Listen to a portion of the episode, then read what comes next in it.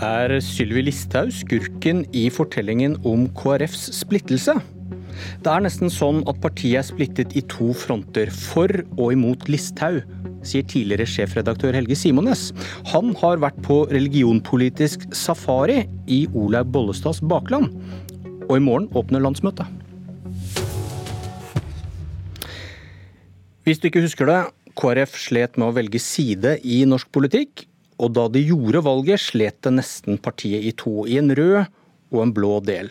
De blå vant, KrF gikk inn i regjeringen Solberg og ligger nå trygt under sperregrensen. Og på landsmøtet i helgen skal hærfører Ropstad krone som partileder. Helge Simones, velkommen til Politisk kvarter. Takk. Du er tidligere sjefredaktør i avisa Vårt Land, og skriver nå bok om Kristelig Folkeparti. Hva var det du fant på din safari i bibelbeltet? Ja, Jeg skriver ikke bare om Kristelig Folkeparti, jeg skriver om alle verdens eh, verdikrigere. Donald Trump, Cher Messias eh, Bolsonaro og Viktor Orban. Og så skriver jeg også om den norske varianten. Det er veldig store ulikheter når det gjelder verdikrigere rundt om i verden, men i Norge så har vi en som er en fremtredende verdikriger, som ser seg sjøl som en verdikriger, nemlig Sylvi Listhaug. Og etter min mening så er det hun som har eh, bidratt til at det er blitt en veldig sterk eh, splittelse i KrF. For verdikrigere de bruker jevnt over i verden et svært åndelig språk. De bruker åndelig retorikk, og de bruker kristne symbol for, å fremme sin motstand imot innvandring. Sylvi bruker korset. Og det er veldig mange i KrF som er blitt betatt av språket til ordfører. Ja, hva, hva, hva, fortalte de på Karmøy når du var der og snakket ja, det, med dem? De fortalte det at for det første at det, det var en som sa helt uoppfordra til meg. Og jeg kan legge til vi er veldig begeistret for Sylvi Listhaug her borte, sa han. Eh, jeg spurte ikke han om det i hele tatt, men det kom helt uoppfordra. Og eh, det går på, på den eh, retorikken at hun tar nasjonens verdigrunnlag på alvor. Og hun bruker et språk som KrF på mange måter har forlatt. Altså de kristendemokratiske tenkerne og lederne i, i, KrF bruker jo ikke det språket lenger, men Sylvi Listhaug bruker det. Har, har, du, har du noen eksempler på at Listhaug bruker religiøse argumenter i den politiske debatten? Ja, vi, vi kan altså Hun bruker hele tiden et religiøst lada språk. F.eks. når hun uttalte at Hareide sleiker imamer opp etter ryggen, så er jo det klart det er veldig lada språk. Det er for det er en front mellom muslim og kristendom. Hun bruker korset som symbol i alle de store, viktige anledningene. Og hvis du leser boka hennes, så har hun en veldig sterk retorikk om at det er en grunn til at alt skjer. Altså å indikere ganske sterkt at, at, Gud er på parti med noen politikere. Og det har vært ganske fascinerende å gå inn i det språket som Listhaug bruker. Og også hennes kirkesyn er ganske interessant. Der hun f.eks. brukte godhetstyranniet. Det sier jo i boka si at det var et utfall imot kirke den ledelsen i Den norske kirke. Det sier hun rett ut i sin bok. Og hva må påtroppende partileder Kjell Ingolf Ropstad i KrF gjøre med dette? Ja, Dette er jo kjempevanskelig, for det er jo den berømmelige spagaten. Skal en prøve å demme opp for dette språket til Sylvi Listhaug, eller skal en prøve å rekruttere nye velgere? Og så har jeg et inntrykk at det, det legges nå opp til en litt sånn forsvarskrig med både fem og seks i forsvar, og så gjenerobre grunnfjellet som kanskje er forsvunnet noe.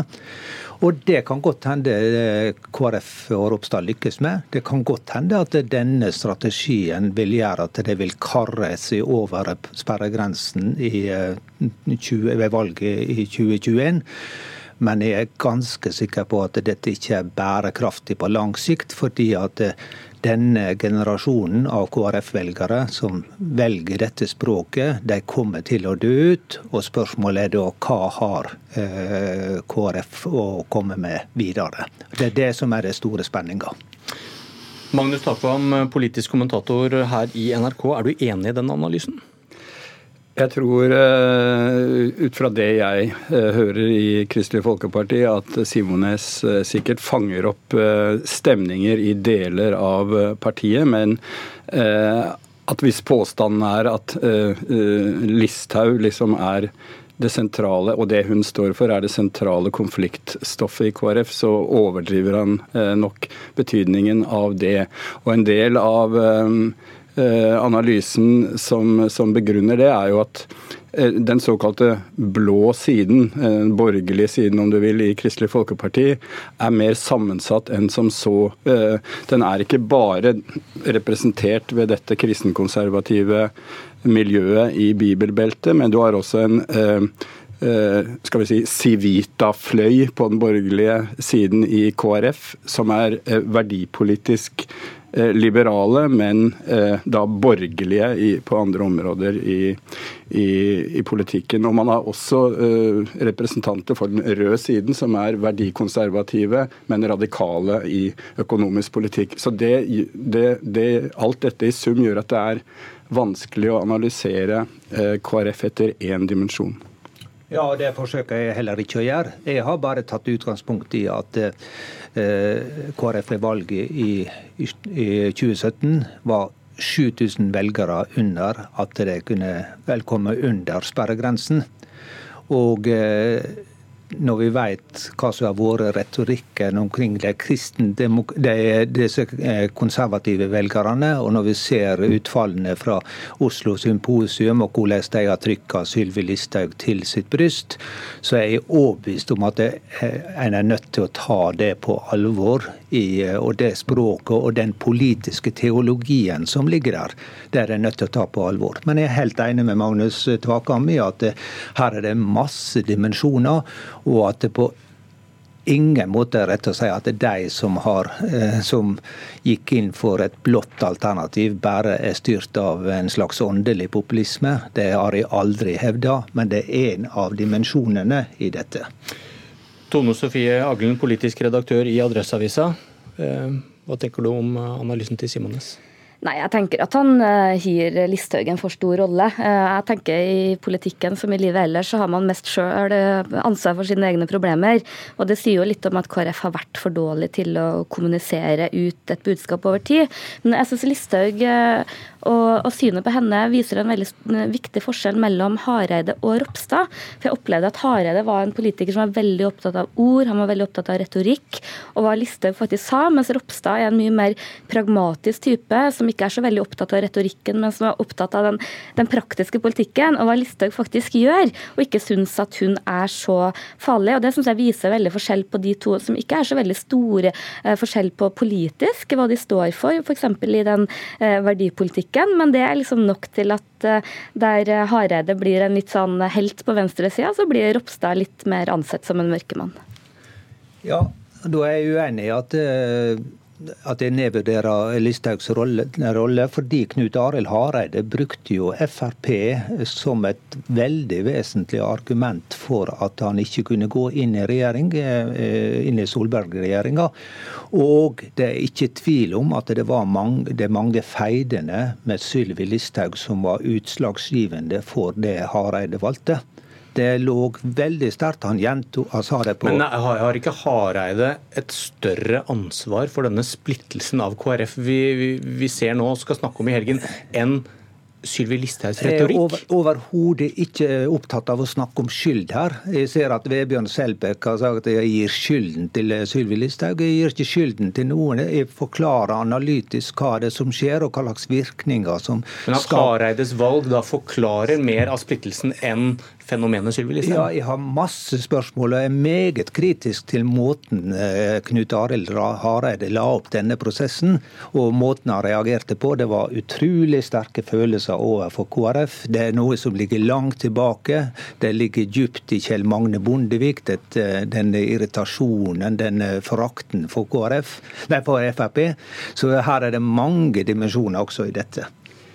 Så det, det, som eh, er et dilemma som dere er inne på for den nye lederen, det er jo verdt å merke seg at Kjell Ingolf Ropstad ikke er valgt som leder i KrF ennå, og dermed har han ikke spilt ut skal vi si, sin politiske plattform fullt ut. Og måten han eh, vil kommunisere på eh, og formidle KrFs politikk på framover. Så det er et spenningsmoment.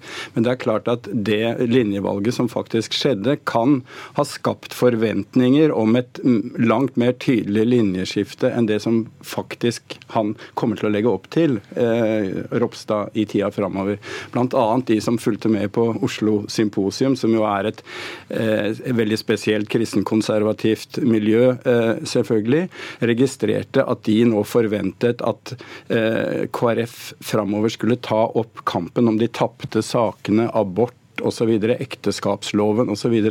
Slik at dersom det er forventningen i disse eh, kjernemiljøene i KrF, så tror jeg de kommer til å bli skuffet. Men det er signaler fra Ropstad i intervjuer om at han legger nå mer vekt altså Han sier eh, vi må tørre å si at kristne verdier er bedre enn andre verdier, eh, og legge mer vekt på den delen av, av KrFs plattform. Så er det klart at han Jeg tolker han sånn at han er søkende og prøver å kommunisere eh, et linjeskifte, men at han ikke helt liksom har funnet eh, formen ennå. Aglund, du har også vært på safari og sett Ropstad i møte med næringslivet. og du ble, du ble, litt optimistisk på hans vegne. Hva var det du så for noe? Nei, Jeg så i hvert fall uh, fortsatt KrF som kommuniserte om næringspolitikk. Og det har vi jo ikke sett så veldig mye de siste årene. For det har jo vært et parti som har vært veldig opptatt av offentlige utgifter og, og det å gi stønader, og ikke så veldig mye det nærings-KrF som de tradisjonelt har vært, hvert på Vestlandet. Men han hadde også en, en veldig sånn uh, ideologisk næringspolitikk, hvor han snakka om helt tilbake til Hans Nilsen Hauge og, og den tradisjonen, nøysomhet, verdien av arbeid, eh, familiebedriftene brukte veldig mye den der kristne familieretorikken, og, og det slo i hvert fall veldig an akkurat hos eh, det publikummet. Og det viser i hvert fall at uh, første så, han har jo en annen måte å kommunisere på enn det Hareide har hatt, som kanskje appellerer mer til den tradisjonelle eh, borgerlige KrF. Men det kan jo også være at han, han prøver å ta tilbake noen saker som KrF har vært usynlig på over en tid. Ja, Takvam, Du snakket om eh, Civita-delen av, av, KrFs eh, velgermasse. Er dette, er dette en oppskrift på å få sakseierskap på felt som kan gi dem mer enn de 3,5 prosentene velgere de har i ryggen akkurat nå? Nei, altså, det er klart at et, et nasjonalt parti må ha uh, politikk på alle områder, også på næringspolitikk og, og uh, forholdet til næringslivet. Det, det sier seg sjøl. Men jeg tror ikke det er veien å gå for KrF. Eller jeg tror ikke å liksom prøve å konkurrere med, med Høyre om å, å, å være, ha eierskap til, til den typen uh, politikkområde. en Eh, annen ting jeg har lagt merke til med Ropstad i det siste, er at han viser til Ebba Busch Thor og hennes suksess i, i, i Sverige. De, og suksessen består i at hun har vokst veldig på meningsmålingene.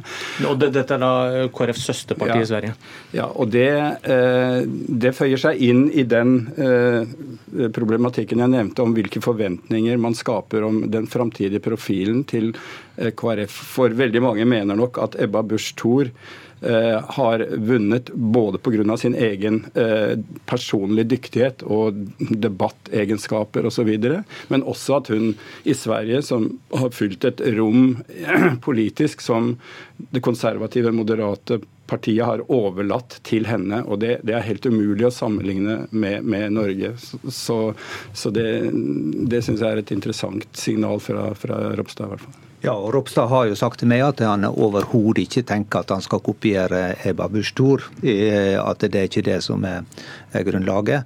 Eh, og så er det veldig viktig å understreke at eh, når eh, Knut Arild Hareide fikk pipekonsert imot seg på Oslo Symfosium, og Kjell Ingolf Ropstad fikk voldsom applaus, så er det overhodet ikke grunnlag for å si at det er så sterk polarisering mellom linja til Hareide og til, til Ropstad. De er ganske like som politikere, men det er akkurat dette med forventningene i det bestemte velgersegmentet som nå er skapt, og som kan bli eh, eller Ropstads problem og mulighet.